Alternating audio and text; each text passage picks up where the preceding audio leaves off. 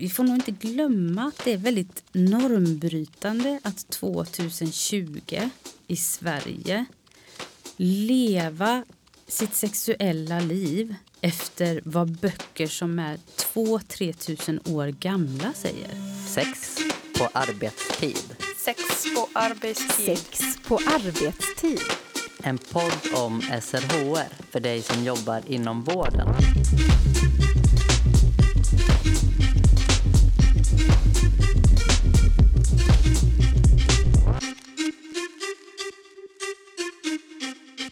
Sex och religion har funnits lika länge som mänskligheten. Trots det saknar många kunskap om både sex och religion och hur det hänger ihop. Denna kunskap är viktig inte minst för vårdpersonal. Att ha insikt i hur olika religioner ser på sex och samlevnad kan vara direkt avgörande för ett bra vårdmöte.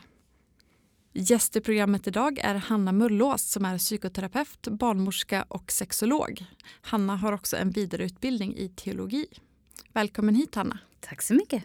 Och vi som gör programmet idag är jag Jennifer C och min kollega Anna Skoglund. Ja, vi är ju så glada att du är här, eh, Hanna. Och idag ska vi prata kring religion och sexualitet. Och man kan ju fundera kring, för Sverige är ju ett av de mest sekulariserade länderna i världen. Men hur religiösa är vi egentligen? Mm. Det är en otroligt bra fråga. Det finns ju många som har försökt att strukturera upp det för att räkna och då en del har försökt att räkna hur många är kyrkligt eller religiöst aktiva, går till någon form av religion som är strukturerad och organiserad eller eh, hur många ber och hur många tror. Och hur ska man kunna räkna det? För att det finns ju många människor som säger att de tillhör en religion men som aldrig bryr sig om den religionen. Det finns de som säger att de absolut inte tror men som använder sig av många religiösa inslag i sitt liv. Så det är väldigt svårt att mäta. Giddens, eh, sociologen, han sa ju någon gång att eh, det finns många som har en tro utan tillhörighet. Alltså för kanske 100-200 år sedan så handlade väldigt mycket religion om det organiserade, i alla fall i Sverige, med kyrka och stat och allt som har blivit efter det. Men sen att idag, kanske nu när kyrka och stat är skilda åt, så, så är det många som har en tro på något högre än det vi bara ser här och nu. Men inte någon specifik tillhörighet. Man säger kanske inte idag jag är kristen eller jag är det och det. Utan ja, men ja, jag tror kan man säga. Så ganska många har en tro men man kanske inte har formulerat det för sig själv. Ja, det, så skulle jag säga att det verkligen är. Och jag tror att det också är så att när det gäller, när vi pratar mer sen om vad är religion? Vad är spiritualitet? Så skulle vi nog också kunna säga att det är ett ett mänskligt behov. Inte det här att man måste tro på någonting allsmäktigt eller övernaturligt men att i de existentiella frågorna så finns det mycket som berör det djupt mänskliga livet som, som handlar om mer än att bara äta, sova, dö. Att eh, få mening i livet, att få hopp och liksom känna förtröstan på någonting. Det kan vara människorna runt omkring oss och det kan vara högre makter. Men att den grundkänslan av spiritualitet, att känna förening med något eller någon annan, det är ju faktiskt en ganska djupt mänskligt behov. Ibland när vi pratar kring eh, religion så blandas religion ihop med kultur.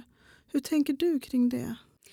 Jag tänker ibland att det är väldigt vanligt att man gör det i Norden och i, i Sverige. Och det beror nog på att vi kanske har ganska dåligt språk för vad den religiösa längtan får för inverkan i vårt liv. Medan till exempel jag har rest väldigt mycket i Mellanöstern och där frågar väldigt många människor så vilken religion tillhör du? Det är liksom inget alternativ att inte tillhöra en religion för där handlar det också väldigt mycket om kulturen. Vilken tradition är du uppvuxen i? Och Eh, jag tror ibland att när vi pratar kultur så jag, jag har hört ibland när människor säger så här att ja, men det där är inte religion, det är kultur. Och jag kan förstå vad man menar med det men samtidigt så kan det bli lite respektlöst och förminskande när någon säger att men det här är ett viktigt inslag i min religion. Till exempel brukar det bli diskussioner när det gäller inslag som är väldigt omdiskuterade som omskärelse eller heder eller olika saker som är väldigt ifrågasatta. Så brukar många ofta säga att det där är kultur bara. Det finns en eh, väldigt fin forskare som heter Ann-Sofie Roald som har skrivit mycket böcker utifrån muslimsk kontext. Och eh, hon skriver i en av sina böcker att för att förstå en religion så behöver vi förstå den kultur som formas kring religionen. Alltså, och ofta handlar det om det som vi pratar om idag. Kring sexualiteten och synen på familjen och synen på relationer. Och då blir ju det väldigt mycket kultur också. Men det kanske inte är bara kultur utan det kommer från en slags eh, religiös övertygelse. Och hon menar att det är därför det är så viktigt om vi vill förstå en annan kultur eller ett annat sammanhang och en annan religion så måste vi försöka studera just sexualiteten och relationer för det är där det blir ganska mycket krockar annars.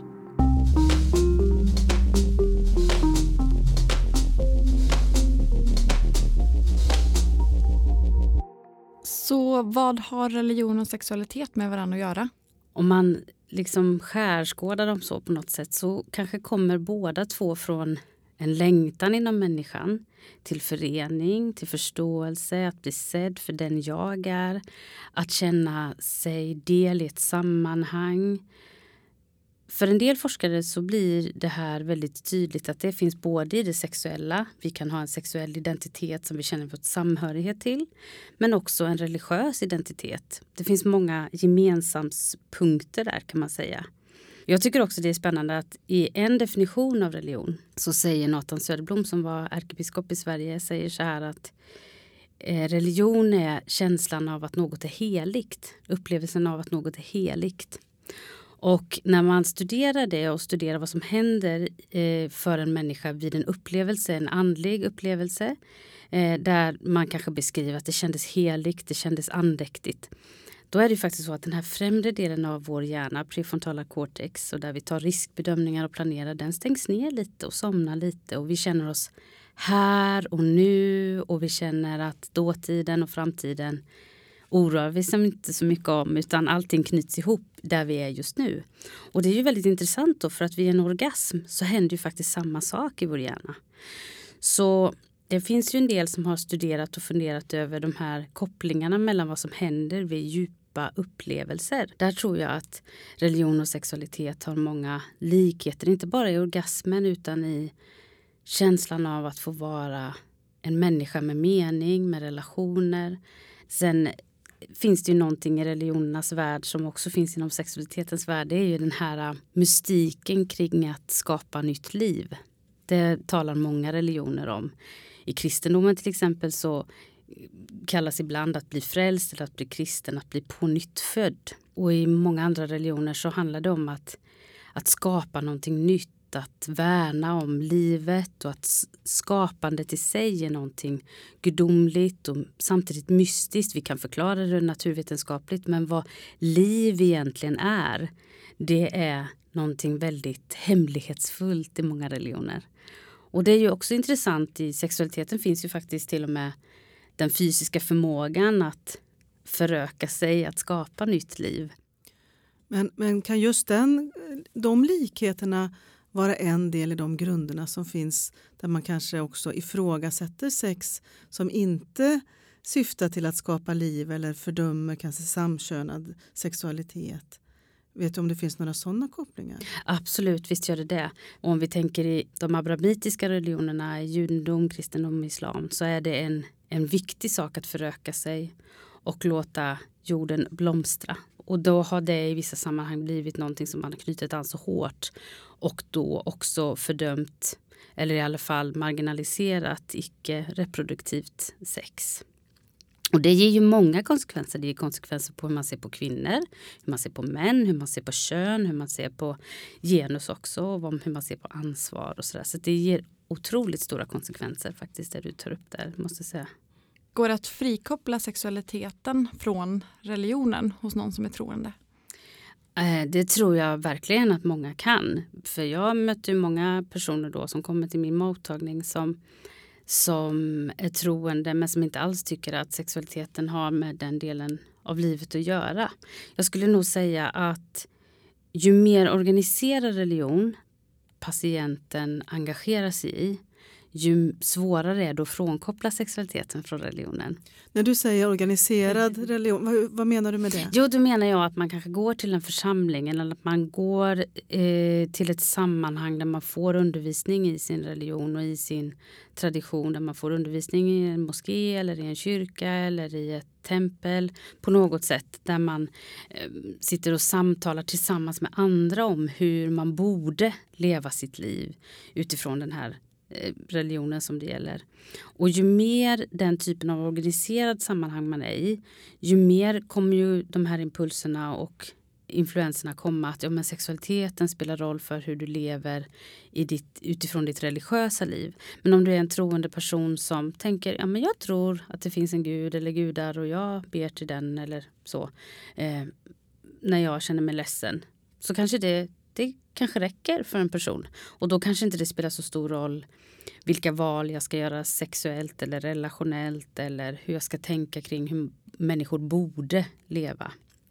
Eh, för sen kan det vara en viktig fråga här utifrån att det finns ju människor som kan tycka på ett visst sätt om hur jag vill leva men som sen inte tycker att alla andra borde leva så. Det kan ju också vara en skillnad i religiösa sammanhanget. Ibland finns det traditioner där de religiösa utövarna till alltså största möjliga mån tycker att alla i samhället oavsett om man tillhör den religionen eller inte ska följa den religionens budskap för att de menar att det är så här en människa kommer må bra. Medan andra mer tycker att ja, men det här är så här väljer jag att leva mitt liv. Hur du väljer att leva ditt liv det, det är upp till dig. Så att jag tror, för att svara kort på din fråga, så tror jag absolut att många människor kan det och gör det som är troende. Men eh, för de som är engagerade i, i någon form av församlingstillhörighet eller tillhörighet på, i religiösa sammanhang så, så kommer nog frågan komma upp någon gång i livet. Har du något exempel på när det har hänt? Eh, som, som jag jobbar då så jobbar jag ju jobbar i Smålands Jerusalem i Huskvarna Jönköpingstrakten där. Det kallas ju Smålands Jerusalem för att det på början av 1900-talet var väldigt mycket kristna och väldigt mycket kristna konferenser. Och eh, det gör att många som kommer till mig, dels för att de vet att jag är personligt kristen och att jag har läst teologi, har gjort att många söker mig därför att de tänker att de vill möta någon som förstår vad det är de menar, vilket språk de använder. så där. Då är det många som kommer som inte tillhör kristendom utan det kan vara andra religioner också. Men då handlar väldigt mycket frågorna om hur, att de vill reflektera hur de tänker själva att Gud tänker kring sexualiteten eller hur de texter som de följer tänker kring sexualiteten. Hur ska de tolkas eller får de tolkas eller måste jag läsa dem bokstavstroget? Eller, eh, och specifikt i människornas liv så kan det handla om hur eh, tillhör sex äktenskapet? Och vad är ett äktenskap då? Tillhör sex någonting som bara till för reproduktion eller får jag njuta av det? Får jag sex bara för att det är skönt? Får jag sex med mig själv? Eh, många frågor som, som handlar om hur, vilken roll sexualiteten ska få ha i ens liv. Där skulle jag säga att det är många som, som undrar. Kan det se olika ut också beroende på vilken, vilken tro personen har? Jag tänker, vad finns det för likheter och olikheter mellan olika religioner som kan påverka i de frågeställningarna? Alla religioner förhåller sig på något sätt till sexualiteten utifrån att sexualiteten är ett väldigt starkt behov i människan. Och hur ska man då antingen förtrycka det, eh, kontrollera det eller framhäva det, använda det Eh, där skulle jag nog säga att när det gäller religion och sexualitet så är det väldigt stora likheter att nästan alla religioner på något sätt för, försöker förhålla sig till det. Det kan ju till exempel som i kristendomen har det traditionellt varit så att man ska försöka kontrollera begären så att inte de tar över hand. Man ska inte låta något ta makten över en Medan det kanske i indiska religioner och i vissa österländska traditioner mer har varit tanken om att man ska använda den sexuella energin för att kanalisera den till en form av andlighet som kan hjälpa en att förnimma världen på universum på ett annat sätt. Så att jag skulle säga att den stora likheten är att alla har tänkt kring sexualiteten eftersom det är en så stark kraft. Eh, och att i sexualiteten så närmar vi oss också begären men också förälskelse och hur har man kontroll på sin förälskelse så att man inte bara lämnar hem och barn och liksom partners och, och människor och, och, så utan hur kan det finnas någon form av stabilitet? För att i många religioner som är traditionella så finns det en tanke om vikten av familjen, att föra traditioner vidare och då behövs det, behövs det någon form av trygghet som ser till att ingen bara lämnar hipp som happ och gör vad den vill. Eh, och då har man ju liksom utformat massa olika, ibland skammande traditioner men också lagar och regler för hur man bör eller ska leva sitt liv. Och eh, om man säger lite olikheter så, så tänker jag, om vi tar de abrahamitiska religionerna som man kanske som vårdpersonal möter mest här i Sverige. Så i i eh, judendom till exempel så har det traditionellt sett varit något väldigt, väldigt viktigt med lust. Lust har varit någonting som man har talat gott om. Men man ska försöka eh, den får inte liksom släppas fri på det sättet så att man inte känner att man mår bra av den. Man ska kontrollera den på det sättet så att man mår bra. Och traditionellt sett så har ju alla de här religionerna eh, varit ganska patriarkala och eh, uppdelade könsmässigt och så. Men lusten har varit väldigt viktig i judendomen och även just det faktum att judendomen tänker väldigt mycket här och nu. Att njuta av det som är här. Det gör också att kroppslighet och sexualitet blir en del av det vi ska njuta av. Inom vissa regler och ramar, men vi ska njuta av det. Medan sen när eh, i kristendomen så började man bli rädd för lusten. För lusten var det som kunde förleda människan, det kunde förstöra. Och man fick ha sex för reproduktion men att njuta av det, det var syndigt. Och då blir ju det grund, det, är ju grunden för en neuros. När någonting verkar jättefint men jag får ändå inte ha det. Gud, Gud har skapat sex och det är det vackraste som finns.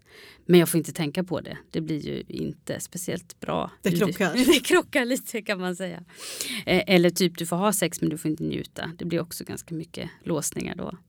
I islam så skulle jag säga att det finns, om judendomen är mer positiv till sexualiteten och kristendomen har varit förnekande mer traditionellt så står eh, islam någonstans mitt emellan där islam faktiskt är den enda av de här religionerna som talar om sexualitet i paradiset. Dock enbart för män, men ändå. Sexet finns där. Eh, kanske i våra traditioner så, Eh, och i vårt samhälle så är det många som tror att islam är väldigt sexfientligt, vilket inte alls är sant. Det finns fina traditioner inom islam där man försöker hjälpa par till exempel som är gifta uh, att ha sex. Det finns en bok som heter The Muslim Marriage Guide som är väldigt populär, finns på nätet att ladda ner som kan vara viktig information att använda till sina patienter också. Så det finns många likheter, det finns många olikheter också i de här traditionerna. Så, så det låter som vikten av att ha en viss allmänbildning i frågorna Ja, alltså jag skulle säga att det är det viktigaste. Jag tror den viktigaste kunskapen man behöver ha med sig när man möter patienter kring det här. Det är att förstå att det här är för många som lever efter organiserad religion så är deras uppfattning om hur Gud tycker att de ska leva sitt liv väldigt viktig.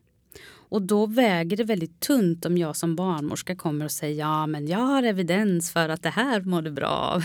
om de sitter och tänker att ja men min gud har sagt det här så vad du lilla gumman har sagt till mig det är ganska eh, oviktigt. Eh, men att då ha med sig den här tanken om att för många personer som vi möter så spelar det här stor roll. Så det är helt omöjligt för oss att ha koll på alla sexuella praktiker. Det är helt omöjligt för oss att ha koll på alla religiösa praktiker. Men det vi kan göra är att öppna upp för samtalet att fråga patienten. Men för i just ditt liv. Man kan börja så och säga, alltså jag vet att sexualiteten är viktig för många människor och religionen är också viktig för många människor. Så hur skulle du säga att det här, vad betyder det här för dig? Var krockar det för dig? Var kan jag hjälpa dig?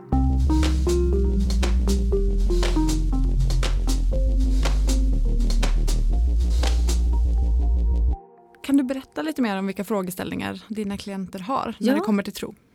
Väldigt många av de som kommer som par de kommer utifrån att att det har uppstått någon form av lustproblematik. Man kanske då har tränats i att tänka att sex det hör till äktenskapet så man har väntat med sex tills man gifter sig. Och nu blir det också då en definitionsfråga vad sex är naturligtvis.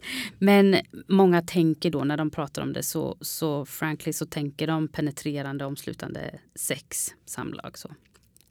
Och då kanske man har valt att vänta med det och så har man väntat och väntat och väntat och man har haft någon slags tanke om att sex är värt att vänta på och när man gifter sig så ska himlens orgasmer sänka sig ner över en och så ska det bli så bra och så ska man bli belönad för att man har avstått detta och kunnat vänta. Och så blir det inte så. Eh, det blir jättefel och det blir jättejobbigt och man blir jättebesviken. Och för många så inser man kanske ganska snabbt att man får inte svart bälte i karate på en gång utan man måste träna och man får ligga i lite. Eh, Eh, så det löser sig av sig självt. Men för en del personer så blir det här någonting som verkligen stör deras relation. Och man kanske har gått i flera år innan och längtat och pratat om detta och nu helt plötsligt så bara en kram liksom får båda två att få ont i magen för man vet att nu kanske det leder till något annat och det kommer bara bli fel och det kommer göra ont och vi kommer inte funka. Så en del handlar om det. Lustproblematiker överhuvudtaget. Att får jag känna lust? Är det okej? Okay? Nu har vi fött våra barn. Är det okej? Okay? Nu är jag änka. Är det okej okay att tänka sexuellt nu? Eh, Sådana saker kan det vara. Sen en grupp som jag tycker är viktig att nämna i det här sammanhanget det är ju de som har varit utsatta för övergrepp i religiösa miljöer. Tyvärr är inte de så få. Det har ju mest i debatten kanske blivit känt inom katolska kyrkan men finns i alla religiösa traditioner. Och att bli utsatt för ett sexuellt övergrepp av en andlig ledare jag ska inte säga att någonting är värre än någonting annat men det kan ge väldigt djupa konsekvenser när den här ledaren är en Guds förebild eller en företrädare för något gudomligt, något som vill mig väl, något som ska kännas tryggt och bra. Och då kan den typen av traumabehandling kräva ganska mycket. Upplever du, jag tänker rent generellt så är det ju inte ovanligt att man undviker att anmäla den här typen av brott. Ja. Upplever du att det är än svårare för dem du möter där det också finns den här Absolut. anledningen? Ja. Många sam kristna sammanhang, eh, muslimska sammanhang som jag mött Eh, där har man, man har inte anmält det som du säger utan man har gjort en egen liten utredning och, och lekt låtsaspolis. Och det är ju helt galet. Det skulle jag säga är brottsligt. Och eh, allt som sker i religiösa miljöer, allt som sker på våra skolor, allting som sker som är brottsligt ska anmälas. Punkt slut. Sen en annan fråga som jag möter mycket det är det här manligt och kvinnligt utifrån att många religioner är väldigt binära i sitt sätt att tänka. Eh, där många uråldriga religioner tänker väldigt mycket i, i binära poler som natt och dag, sol och ljus och, och mörker å ena sidan. Eh, I många olika sammanhang i livet, även då det manliga och det kvinnliga. Och det blir lite svårt för en del religioner att anamma tanken om att det finns ett kön eller att vi kan tänka helt annorlunda kring kön än vad man traditionellt har gjort. Så där kan en del brottas med detta. Och då blir ju det också för en del som kommer till mig så handlar det väldigt mycket om att jag vill leva på ett sätt men jag vill inte det. alltså till exempel ett enkelt vanligt scenario kan vara att någon kommer till mig och säger jag tror att jag är gay. Men jag vill inte leva ut det för att jag tror att det är fel. Och eh, mycket av de frågorna som, som hamnar hos mig det handlar ju om någonstans att de olika skripten om vi får tala så eh, krockar alltså skriptet att hur ska jag leva mitt liv som, min, som jag vill? Hur ska jag leva mitt liv utifrån hur mina föräldrar eller mitt sammanhang vill? Och vad säger samhället och normerna? Men samhället och normerna kan ju säga en sak och normerna i mitt religiösa sammanhang säger någonting helt annat. Så det kan bli krockar på så många olika områden. Så det skulle jag säga är ett av de vanligaste sakerna som gör att man kommer. Hur arbetar du som terapeut med de frågorna då? För mig är det jätteviktigt att jag har ingen egen hemlig agenda för hur jag tycker att mina patienter ska leva sitt liv. Eh, vi ska följa svensk lag naturligtvis som jag sa innan. Eh, det är uppenbart och, och, respektera varandra på det sättet med samtycke och allt som, som lagarna säger. Men om jag har en patient som söker mig så handlar det för mig om, då är fokus för mig att finna och identifiera den personens lidande. Och att hjälpa den personen att hitta nya vägar att nå ut i sitt lidande. Och om vi då säger den här patienten som säger att Nej, men jag vill inte leva så. Då försöker jag omringa vad, är, vad har det här gett för konsekvenser? Hur länge har du känt så här? Och de konsekvenserna, vad är det som är svårt för dig att leva med dem i, i ditt liv? Och vad gör det med dig rent känslomässigt, relationellt?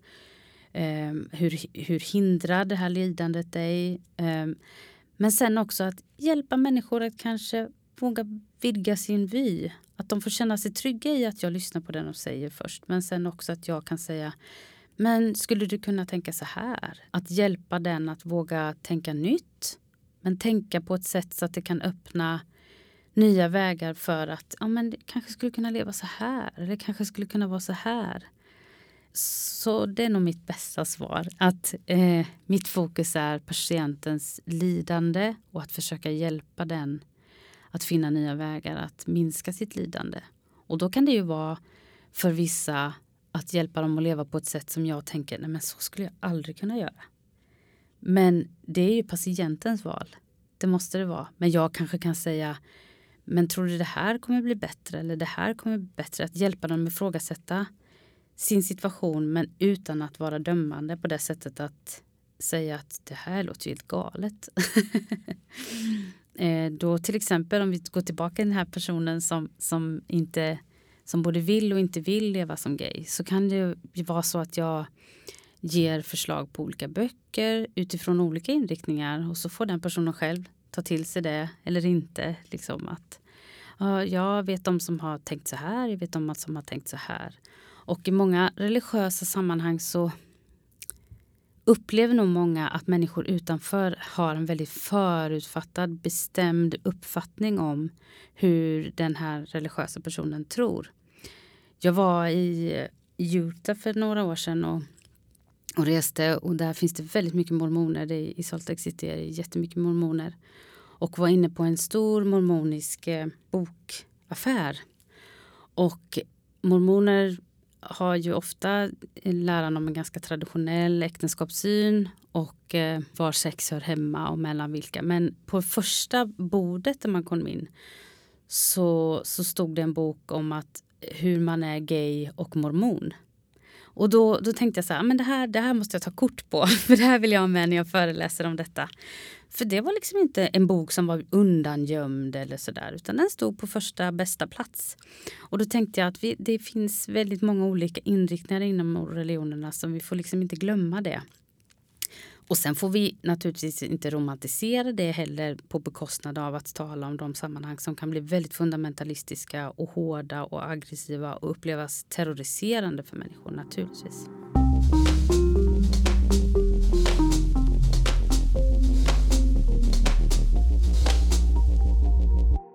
När kan tro vara hjälpsamt eh, för patienten och när, när försvårar det lidandet? Mm.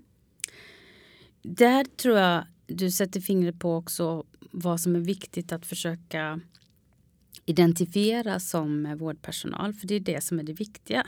För för vissa så kan religionen vara någonting som man finner stöd i och tröst i.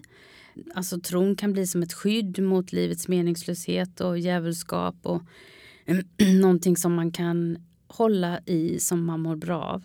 Men religionen kan också bli någonting som man känner sig kidnappad i. Inte minst att sexualiteten känns som kidnappad.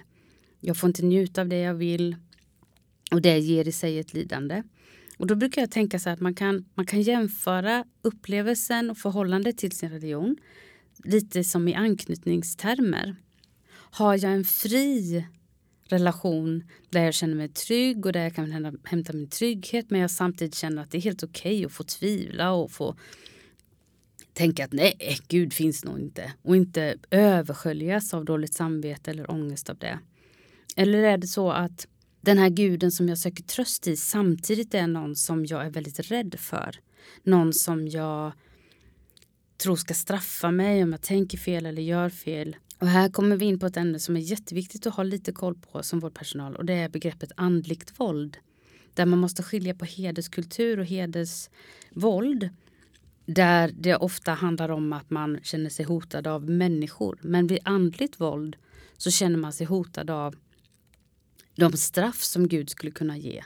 Då är det inte farligt om ni förstår mig, ursäkta uttrycket, men då, då känns det okej okay att bli slagen i äktenskapet här. Om jag vet att jag ändå kommer till himlen. Men om jag skiljer mig och kommer till helvetet så känns det så fruktansvärt vidrigt. Och om människor påtalar detta för mig och använder det som ett hot så blir det ett form av andligt våld som är väldigt viktigt att identifiera när man jobbar med våldsutsatta patienter. Därför att det andliga våldet kan ha en mycket, mycket starkare kraft på en människa än hot om slag. För hot om att en evighet ska gå förlorad, det känns liksom oöverkomligt för många människor. Så när man ska försöka identifiera om det är lidande eller om det är behjälpligt att ha en tro så kan man försöka finna efter de här signalerna. Finner du tröst där i eller gör religionen att du känner dig rädd för livet?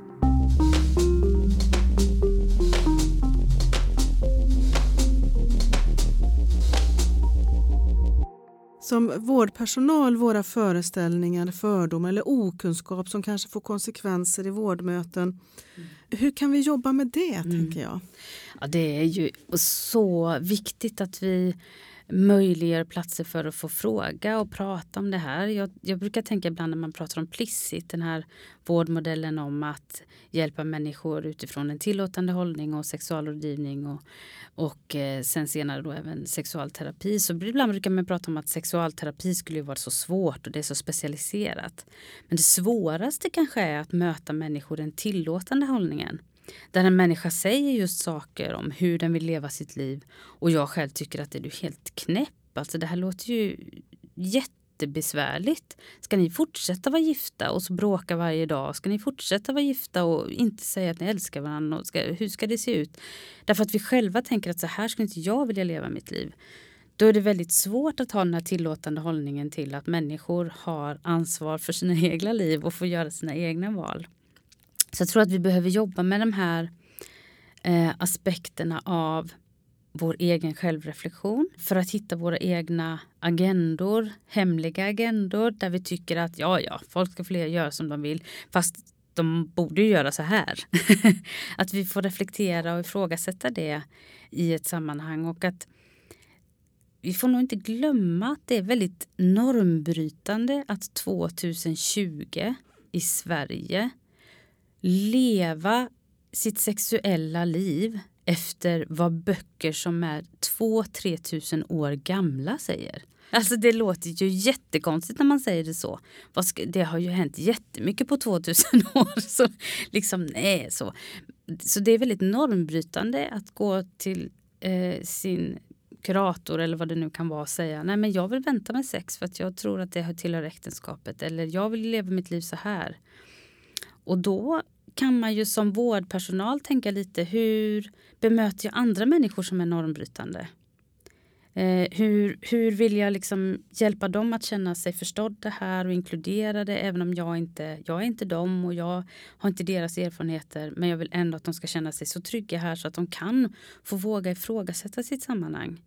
Det tycker jag är en, en viktig grundprincip för annars blir det lätt så att människor kommer till oss och så känner de direkt att här får jag inte riktigt säga som jag tycker eller känner så att jag måste nästan försvara det jag kom hit för att ifrågasätta och det blir inte bra.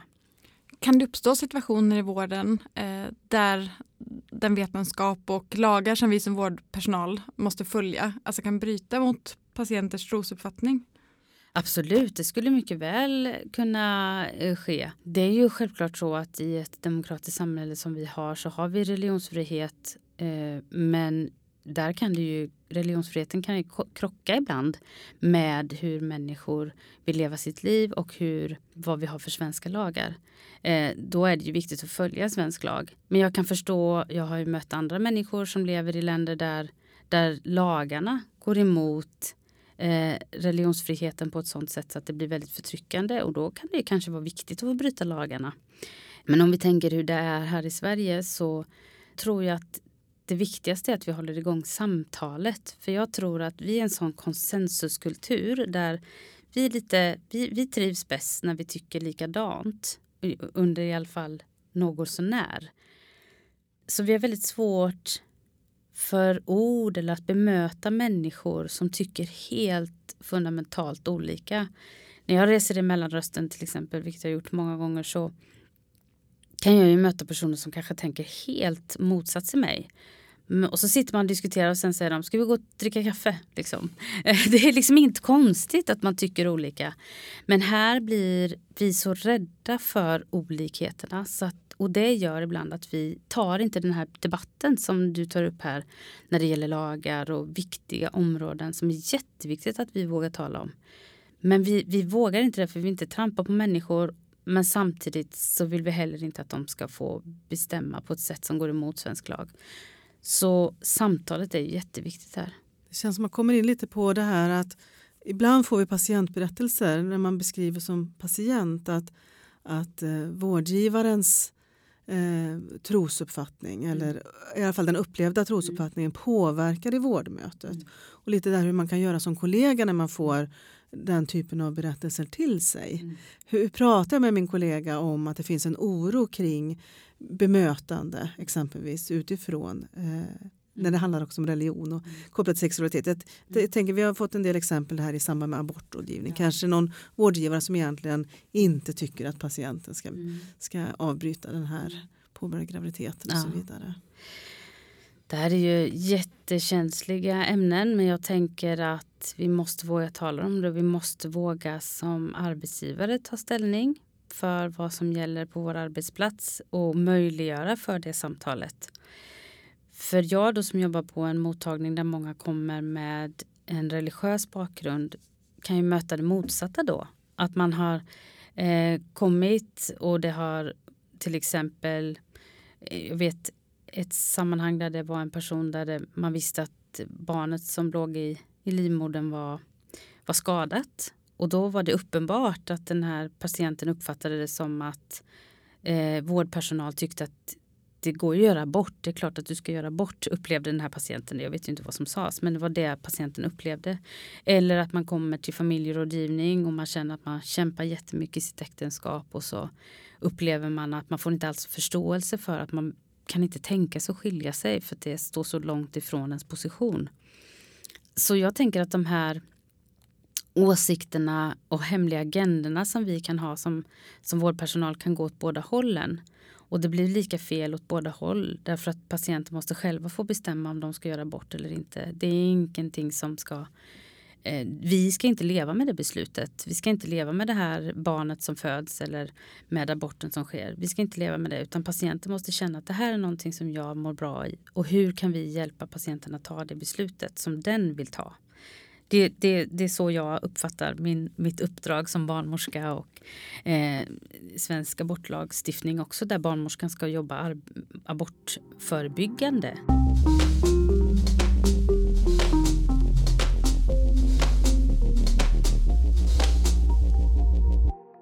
Det här kanske är en bra ingång till våra tre tips som vi brukar be våra gäster lämna.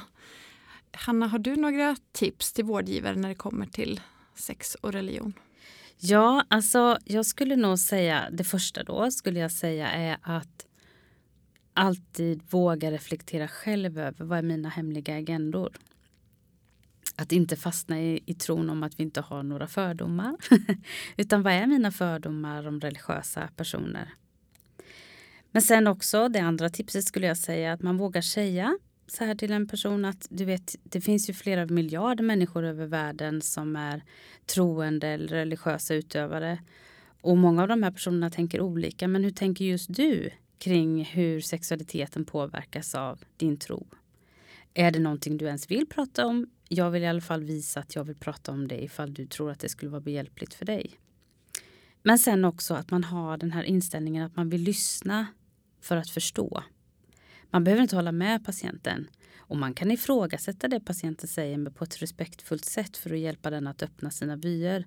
Men patienten ska inte behöva känna att jag måste här sitta och försvara det som jag tillhör. För då gör man också patienten en björntjänst på det sättet att då kanske inte patienten får komma dit att den kan säga nej, jag vill egentligen lämna mitt sammanhang. För när man märkte att eh, vårdpersonalen var så negativ så kanske man höjer sina försvar och då börjar man försvara sånt som man egentligen ville lämna eller tyckte var fel eller hur det nu kan vara. Så att man faktiskt har en, en inställning om att man vill förstå patienten. För det känner patienter. Det är väldigt många som kommer till min mottagning och säger att jag vill komma till någon som är religiös för att jag vill inte sitta och försvara min, mina livsval. Och det tror jag att om vi skärper oss lite som vårdgivare så, så klarar vi av att ge den känslan även om vi inte alls har samma religiösa uppfattning som patienten. Tusen tack för att du kom hit idag, Hanna. Tack.